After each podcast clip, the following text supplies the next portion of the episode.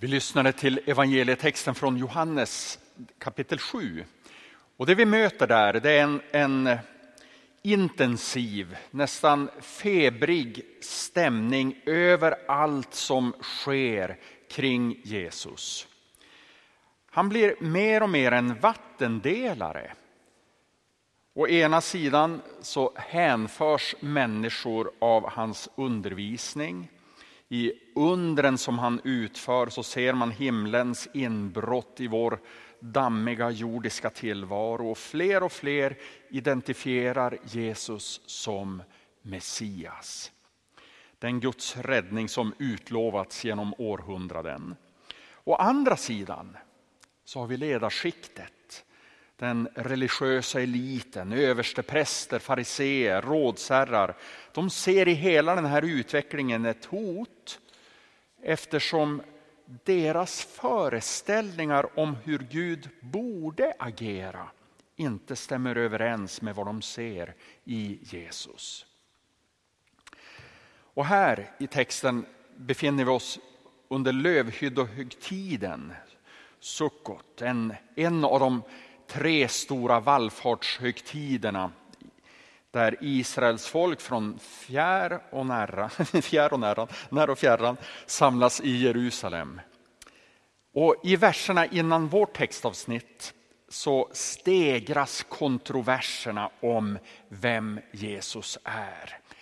Och det här, kontroversen om vem Jesus är, det är något av ett återkommande tema i Johannes evangelium. Och frågan är ju egentligen lika aktuell idag som den någonsin var då. Och till slut här så får översteprästerna, fariseerna, rådsherrarna, de får nog. De, de skickar ut män för att gripa Jesus. Och så läste vi här hur de kommer tillbaka tomhänta. För de har blivit så överväldigade av Jesu undervisning att de, de har inte kunnat förmå sig att gripa honom. Aldrig har någon människa talat som han. Och fariseerna här, de tappar helt konceptet. Och maktens arrogans lyser ju igenom när de utbrister. Finns det någon bland rådsherrarna eller fariseerna kanske som tror på honom? Men den här hopen som inte kan lagen, den är förbannad. Känner vi igen Guds räddning när vi ser den? Kan vi likt de enkla människorna i folkhopen identifiera frälsningen, räddningen när vi ser på Jesus Kristus? Eller avfärdar vi honom som maktens representanter i texten här? Och rådsherrarna och fariseerna de hade sin bestämda förförståelse om hur Messias borde vara och bete sig när han kom. Så till den grad att de faktiskt missade att känna igen Messias när han stod mitt framför dem. Den moderna människan idag har andra föreställningar som hindrar, lätt hindrar oss från att finna, identifiera frälsningen, vägen till livet, sanningen uppfyllelsen av mening och mål. Och allt detta söker vi kanske hellre i välfärdssystem, i politiska idéer, i förälskelser, relationer. Och vi missar att detta enbart står att finna i Jesus Kristus. Och den som är nöjd med vad han eller hon har av ekonomi och anställningstrygghet, socialt skyddsnät. Kanske kan se på människor som är mindre lyckligt lottade och kanske missbrukare, kanske kriminella eller ja, och unna dem en, en kristen tro. Ja men så bra för dem, de behöver det ju verkligen. Så bra. Underförstått, till skillnad från mig som har allt på det torra. Men Jesus är inte en snuttefilt och ett tröstpris för de mindre lyckligt lottade.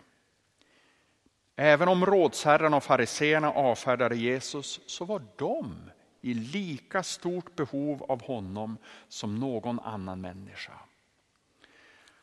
Och även om de lyckligt lottade idag inte tycker sig behöva Jesus är de i lika stort behov av honom som någonsin en missbrukare eller någon annan på annat sätt mindre lyckligt lottad. Frågan om Jesu identitet är den helt avgörande frågan här. På ett liknande sätt skildrar Markus det i, i, i, sin, i sitt evangelium när Jesus samtalar med lärjungarna. I åttonde kapitlet så frågar Jesus lärjungarna, vem säger människorna att jag är? De svarade, ja Johannes döparen, men somliga säger Elia, andra att du är någon av profeterna. Då frågar han dem, och ni, vem säger ni att jag är? Petrus svarade, du är Messias. Och frågan också här i Johannes, det sjunde kapitlet som vi läste, det är densamma. Är Jesus Messias? Förståelsen av innebörden av Messias det är avgörande för att vi ska förstå vidden av betydelsen av den kontrovers som vi läser om här. För vilken kung eller kejsare eller annan inflytelserik person som helst som vi läser om och som levde för 2000 år sedan är enbart av historiskt intresse idag. Om Jesus inte var Messias så skulle även han enbart vara av ett historiskt intresse utan egentlig betydelse idag. Men om Jesus var Messias då så lyfts han betydelse till kosmiska höjder, till ett kosmiskt perspektiv som bryter igenom tid och rum. Om Jesus var Messias då så är han Messias idag. Om Jesus inte var Messias då så gjorde rådsherrar och fariseer rätt som avfärdade honom. Om Jesus var Messias då fick han avgörande betydelse för de människor i folkhopet som bestämde sig för att följa honom. Och om Jesus var Messias då har han betydelse idag för dig och för mig. Oavsett om du lever ett lyckat liv eller om du ständigt kämpar i uppförsbacke och motvind.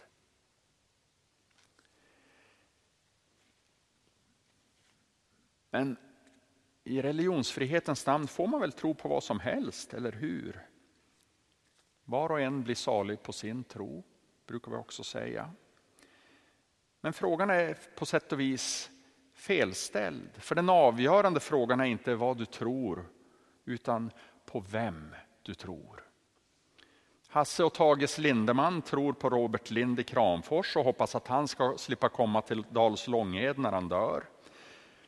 Du är fri att tro på Robert Lind eller någon annan, men du är också fri att tro på Jesus Kristus, att Jesus är Messias, Guds son, världens frälsare. Och Bibeln och kristen tro gör anspråk på att det faktiskt har betydelse, en avgörande betydelse för ditt liv. Vi möter ju Nikodemos i texten här. Han var en rådsmedlem han också. Och tre gånger möter vi honom i Johannes skildring, Johannes evangelium. Och den första gången det är i kapitel 3. Där kommer Nikodemus, smyger till Jesus om natten i skydd av mörkret. Han samtalar med Jesus. Han är en sökare. Någonting hos Jesus har väckt någonting hos Nikodemus och han vill veta mer. Och kanske är det någon här idag som betecknar dig som sökare. Och det är uppenbart att Nikodemus intellektuellt inte kan greppa vad Jesus talar till honom om frälsningens och försoningens mysterium i det där samtalet de har i kapitel 3. Men ändå så blir han en Jesu lärjunge. Och här i texten idag Lite tafatt så kommer han till Jesu försvar som vi läser. Och de andra rådsherrarna, de häcklar honom, de gör sig lustiga över honom. Och kanske någon här som har liknande erfarenheter. Men så möter vi Nikodemus igen i kapitel 19. Jesus har korsfästs, Jesus har dött. Och tillsammans med Josef av Arimataya så tar Nikodemus ner Jesu kropp från korset, lindar den, lägger den i en grav. Och Det är mycket möjligt att han inte hade kommit mycket längre vad gällde det där att intellektuellt greppa vem Jesus är. Men i mötet med honom hade han ändå identifierat, här är Messias. Guds frälsning undan synden, undan döden. Och han visste att i Jesus så hade han funnit vägen, sanningen, livet. Och det får avgörande betydelse för hans liv. Och kanske någon känner igen sig lite hos Nikodemos, en sökare. Kämpar intellektuellt, men tror ändå. Vill kunna ta emot Jesus som Messias. Så låt Nikodemos exempel vara till uppmuntran. Välkommen att ta emot Jesus som Messias, Guds levande ord, livets bröd, det levande vattnet. Vår frälsare, vår Herre. Amen.